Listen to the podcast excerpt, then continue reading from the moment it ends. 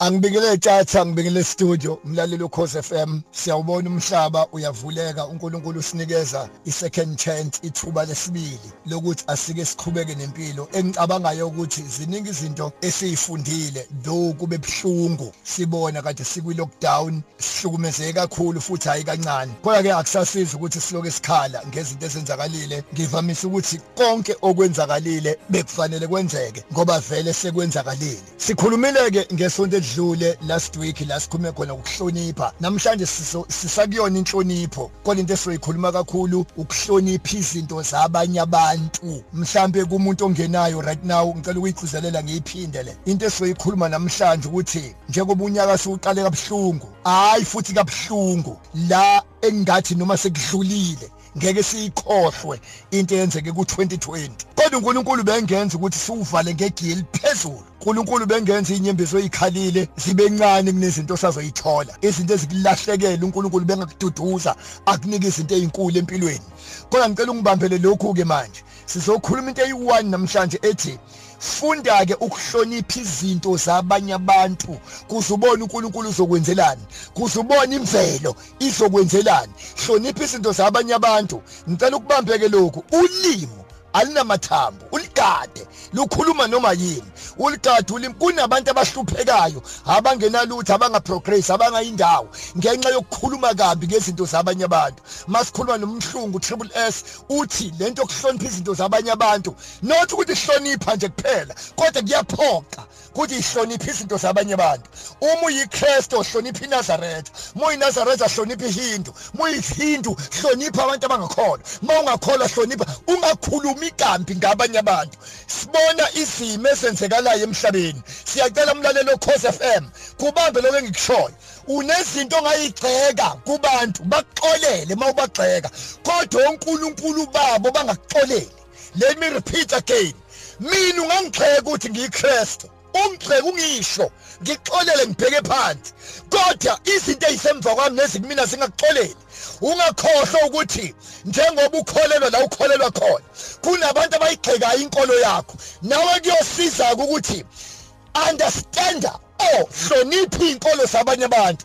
Hlonipha impilo abanye abantu abaphila ngayo ukuze nawe bakuhlonipha abanye abantu. Kodwa sikho ke lapho kakhulu sekutheni entweni esisho namhlanje cause FM ukuthi uma ngabe ukwazi ukuhlonipha izinto zabanye abantu ungacabanga ukuthi impilo isaphothe wena kuphela. Impilo isaphothe abanye abantu. Impilo ifana nezibuko zemoto.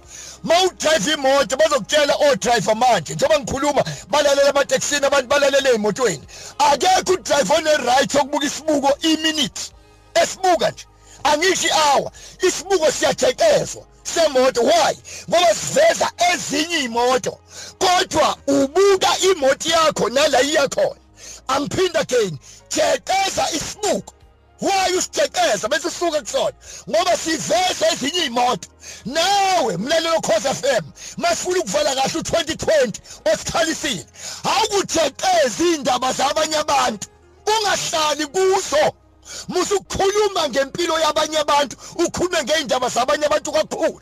Ngizothi kuwena khuluma isikhashana manje bese ubheka la uyakhona uma ngabe uzokhuluma kakhulu ngeimpilo zabanye abantu. Imoto uzoyithola esikhotheni. Buza bonke odriver wabuka izibuko semoto isikhathi eside. Uyophapha imoto yakhe ngaphansi kwetrack uyophapha imoto yakhe isesikhotheni. Sizothi wonke umuntu musukuloku ukhuluma kakhulu ngeindaba zabanye abantu. Kodwa jekeza indaba zabanye abantu. Wonke umuntu emhlabeni funda ke hlonipha izinto zabanye abantu. Musu ukukhuluma noma kanjani ngezinto zabanye abantu. Uyashumayela awushumayele into okholelwa kuyona. Ungachekanga izinto zabanye abantu. Hlonipha izinto zabanye abantu. Ubone uNkulunkulu uzokwenzelani. Ubone imvelo ukuthi izokwenzelani.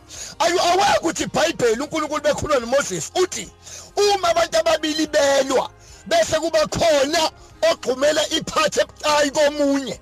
Ambambe yona noma amshaye kuyona uthi uNkulunkulu lo muntu lo muntu akashawe ngamatshe afe. Ngoba uNkulunkulu akamfuni umuntu ozowina ngenxa yokuthi urobho omunye umuntu ngobuthaka bakhe. Kunabantu abafishani ngokwempilo. Kodwa njalo uma bezovela bakhuluma ngamaphutha abanye abantu. Bakhuluma ngame mistakes abanye abantu. Njalo wena mawufuna ukuvela engathi ungakhuluma ngeindaba zabanye abantu. Wonke umuntu emhlabeni siyacela focus la uyakhona. Ngeke kuhlale kunje. Awungavulwa umhlaba kanti uvulelwe into eyodwa ukuthi wena usazokhuluma indaba zabantu. Uthi uqala nje nizwile. No hlukana nabantu abathi nisiwile u1 no2 no3 siluzile silahlekelwe sifuna ukufocus entweni esizenzayo. uNkulunkulu akanibusise niphuma anibusise ningena. Konke obeka kona isandla uJehova akakubusise. Cause FM uNkulunkulu akanibusise god bless you.